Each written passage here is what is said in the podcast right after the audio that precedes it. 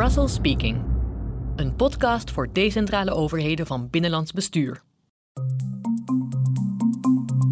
Een tweede stem. Stemmen met 16 waar het kan. Het Europees Parlement wil andere verkiezingen in 2024. Luister naar dit debat. Oh ja, dat is ook een, een van de onderdelen inderdaad van dit, uh, van dit pakket dat op tafel ligt. Nou, omdat verkiezingen is zoiets geregeld in de landen. Er zijn Nederlanders die op mij stemmen. Dus ook die Nederlanders moeten met mij bepalen. We gaan dan en dan naar de, kiezen, de, de verkiezingen. En dat moet niet hier in uh, Brussel of Straatsburg worden bepaald. Als Nigel Farage, die bijvoorbeeld in het verleden veel bekendheid genoot, dat die uh, zeer veel succes zou kunnen hebben op zo'n pan-Europese lijst. Dus het zou ook nog eens hun eigenlijk, ja, it's gonna bite them in the ass. dat zou kunnen gebeuren.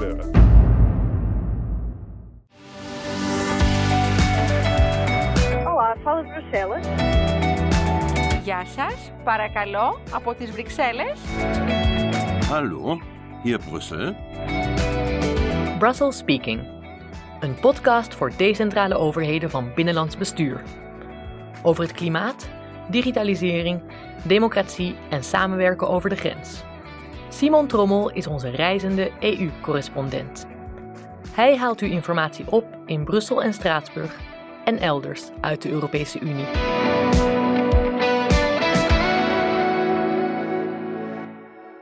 De Europese verkiezingen van 2024 moet totaal anders verlopen dan die van 2019.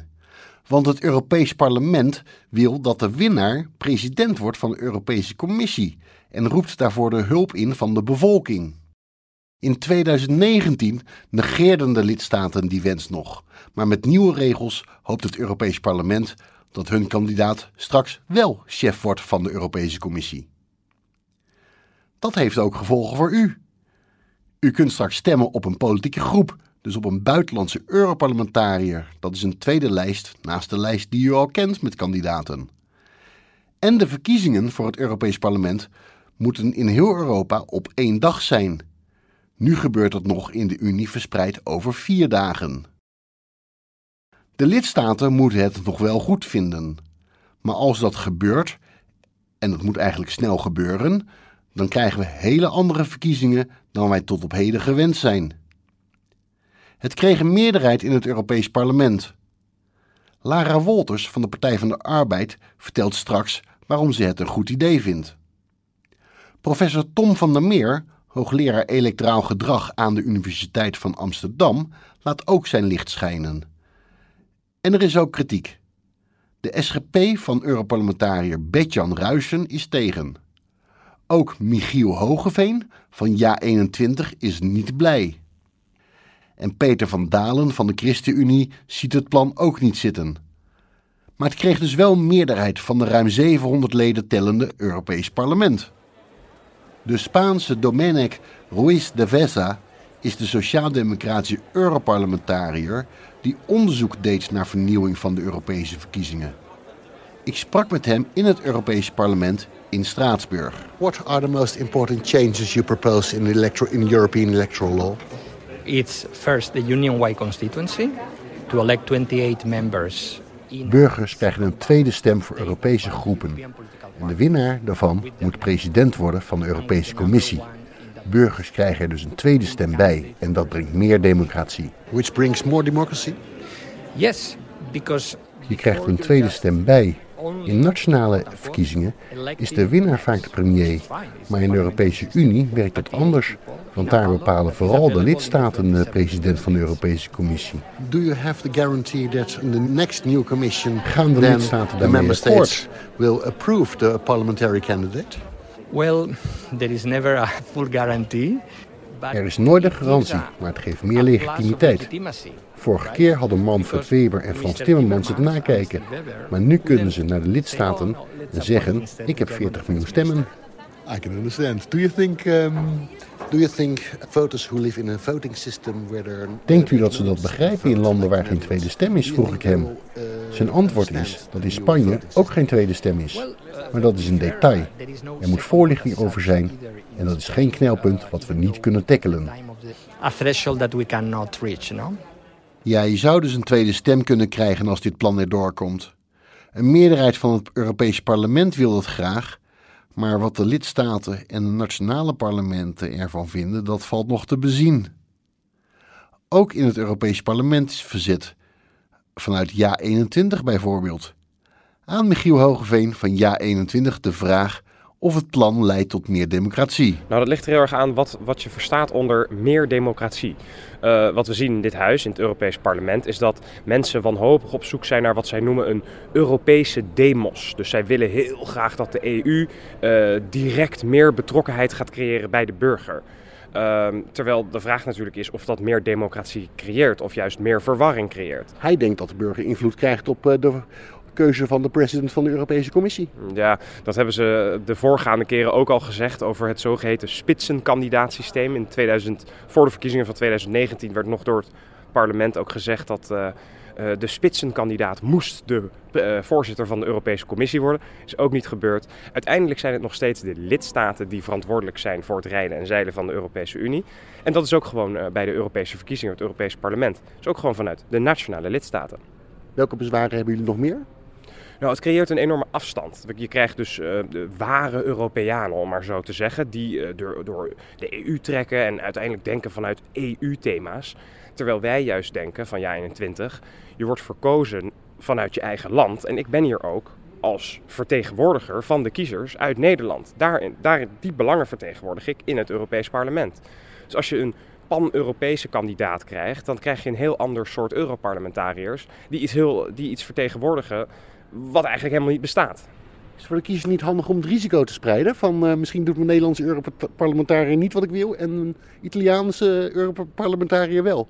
Nou, ik moet zeggen, er zijn natuurlijk ook uh, voordelen aan, uh, eventuele voordelen aan dit, potentiële voordelen aan dit systeem. En dat is natuurlijk dat, er, dat een persoon als, als Nigel Farage, die bijvoorbeeld in het verleden veel bekendheid genoot, dat die uh, zeer veel succes zou kunnen hebben op zo'n pan-Europese lijst. Dus het zou ook nog eens uh, hun eigenlijk, uh, ja, it's gonna bite them in the ass.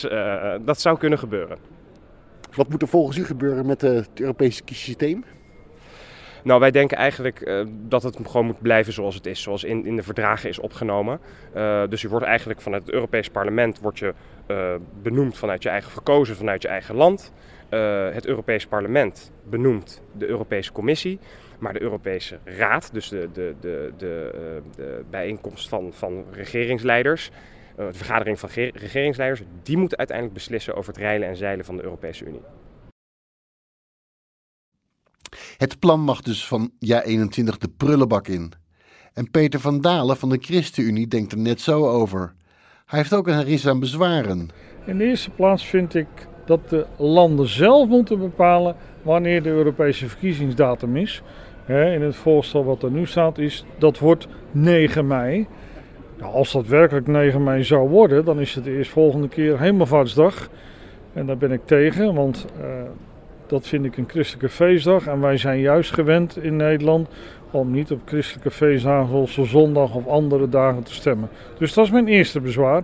Geen uh, opleggen vanuit de Europese Unie wanneer we gaan stemmen, dat bepalen we zelf. Twee, er moeten transnationale kieslijsten komen, waarbij dan ik op een lijst kan komen te staan met mensen uit, nou noem het maar, Bulgarije, Ierland en Palermo. Uh, dat gaat natuurlijk niet werken, want wie in Palermo zou op mij stemmen? Dus daar ben ik ook niet voor. En drie, um, daarnaast komen dan kiesdrempels. Nou, dat vind ik ook onbestaanbaar. Dat hebben we in Nederland nog nooit gehad. Uh, elk land moet gewoon zelf bepalen wat is in ons land nou de beste datum om een verkiezingsdag uit te schrijven. En het ene land zou misschien zeggen we doen het op die dag en een ander land op die dag.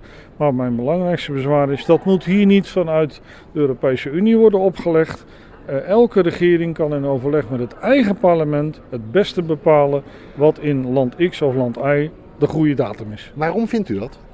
Omdat ik vind dat dat iets is wat de landen zelf moeten bepalen. Ja, waarom?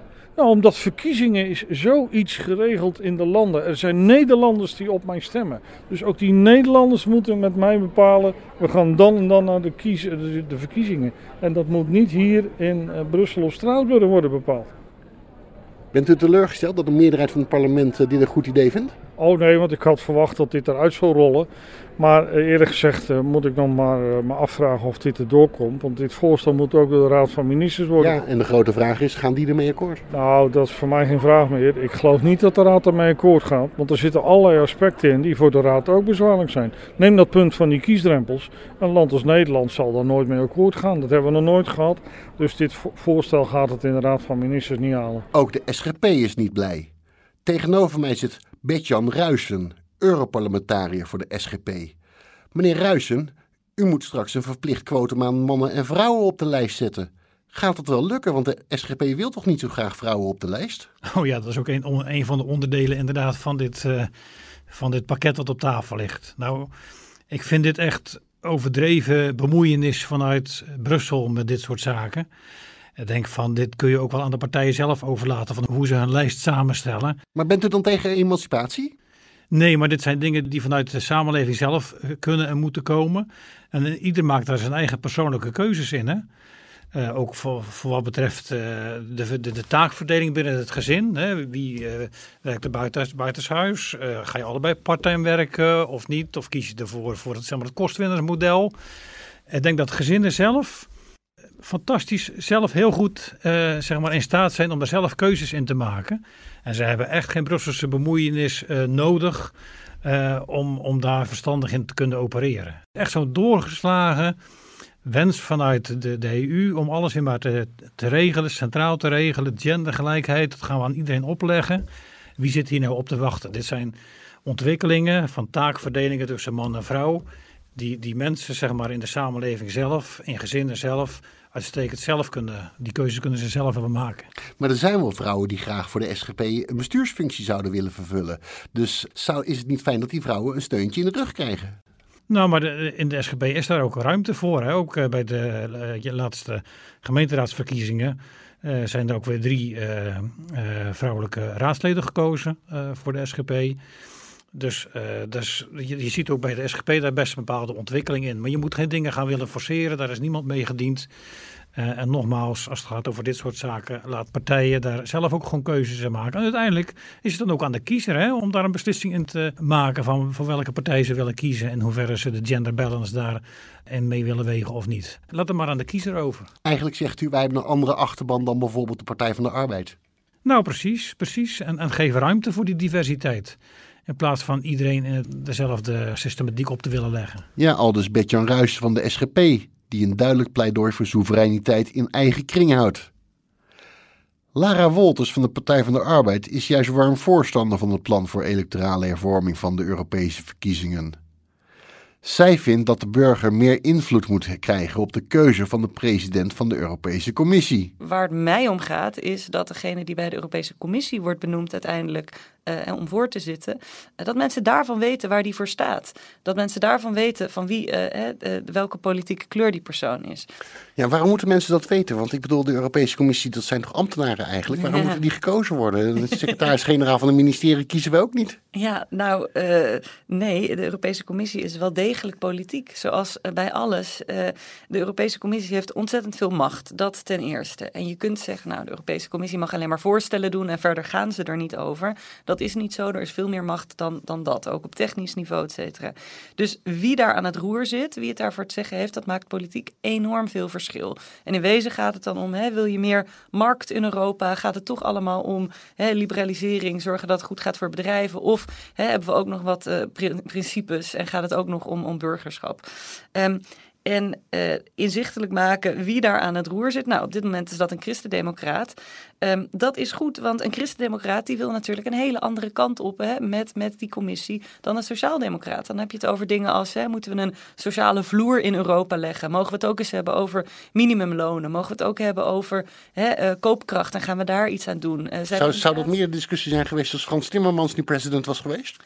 Uh, dat, dat denk ik wel. Uh, en ik denk ook dat het hartstikke goed is als er gehoor was gegeven aan al die mensen die voor Frans Timmermans hebben gestemd. En het moeilijke was was. In Nederland hebben mensen massaal voor hem gestemd, maar in andere landen kon dat niet. Ehm, terwijl ik weet dat hij bijvoorbeeld in Spanje ook onwijs populair was. Ja. Ehm, dus met zo'n Europese lijst kun je ook, kun je in heel Europa kun je op kandidaten stemmen die niet uit jouw land komen. En dat is relevant, want dat zijn wel de mensen die uiteindelijk aan de knoppen gaan zitten in Brussel. En dan hebben we het dus niet alleen over het Europees Parlement, maar ook over andere instellingen. Ja, maar dan heb je nog steeds niet de garantie dat de lidstaten eh, de, de kandidaat van het Europees Parlement nemen. Nee, dat klopt. Als daar al akkoord we- gaan met dit voorstel. Dat klopt, maar ja, hè, niet geschoten is altijd mis. We kunnen van tevoren de handdoek in de ring gooien en zeggen van hè, het gaat sowieso niet lukken en de lidstaten doen toch maar wat ze willen. Eh, ik denk dat je een vuist moet maken en dat je stapje voor stapje, en ja, dat is soms stroperig, zo is politiek nou eenmaal, maar dat je, eh, dat je toch moet zeggen van nou, dit is de, de stip aan de horizon waar wij heen willen. Ehm, hè, wij willen wel degelijk dat mensen ook invloed hebben over wie er verder in Brussel aan het roer staat. Ehm, en we zien wel waar het schip strandt. Ja, ik sprak ook een beetje aan Ruijsen van de SGP. Ehm, die vindt eigenlijk dat eh, de overheid er niks mee te maken heeft wie, eh, wie je vertegenwoordigt. Dus daarom ziet hij ook die genderbalans die eh, in het voorstel staat. hè. Man-vrouw afwisseling of... jij begint nou te Wat, lachen. wat verbazend van het, ja.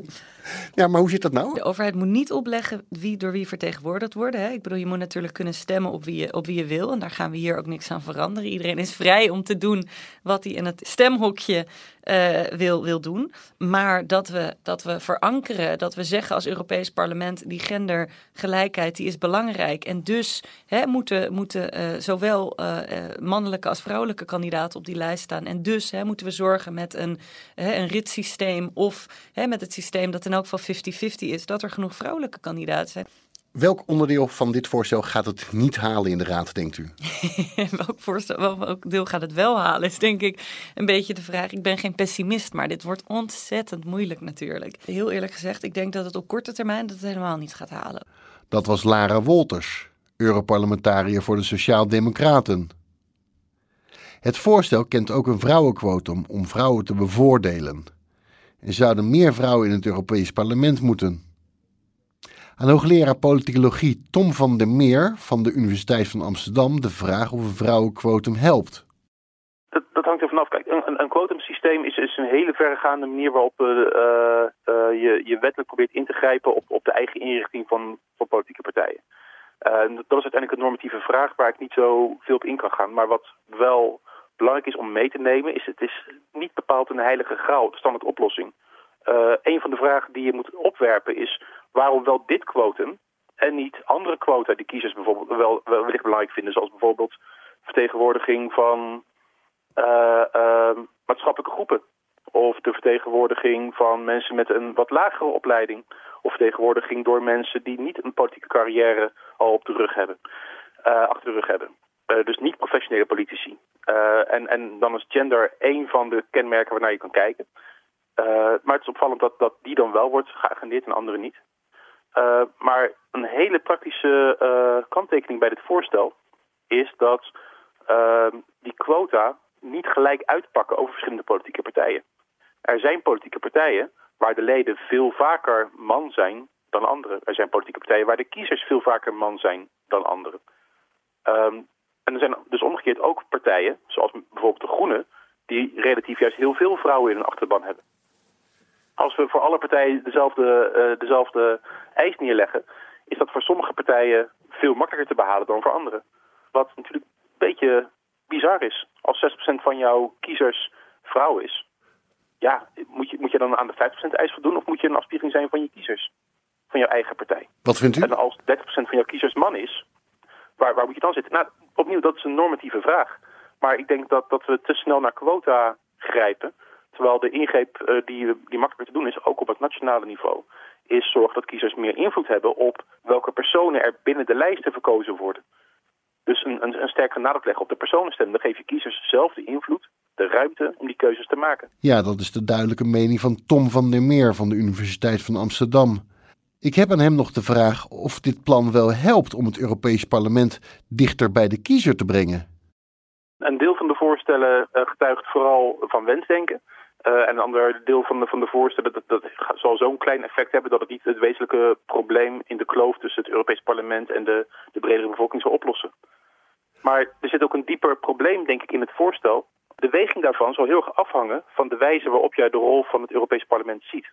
Dus voor, voor sommige mensen moet het Europees Parlement uh, de directe vertegenwoordiging zijn van, van uh, de bevolking en, en daarmee ook uh, de leiding kunnen nemen in bijvoorbeeld de samenstelling van de Europese Commissie.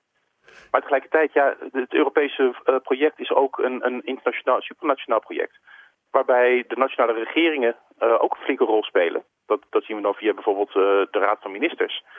Um, en die zullen bij een aantal van deze voorstellen echt denken van ja, maar als we deze voorstellen doorvoeren, gaat het niet per se leiden tot, tot een betere band tussen kiezer en parlement. Maar het gaat wel de verhoudingen binnen Europa tussen het parlement en de raad heel erg veranderen. Welke maatregelen doelt u dan op?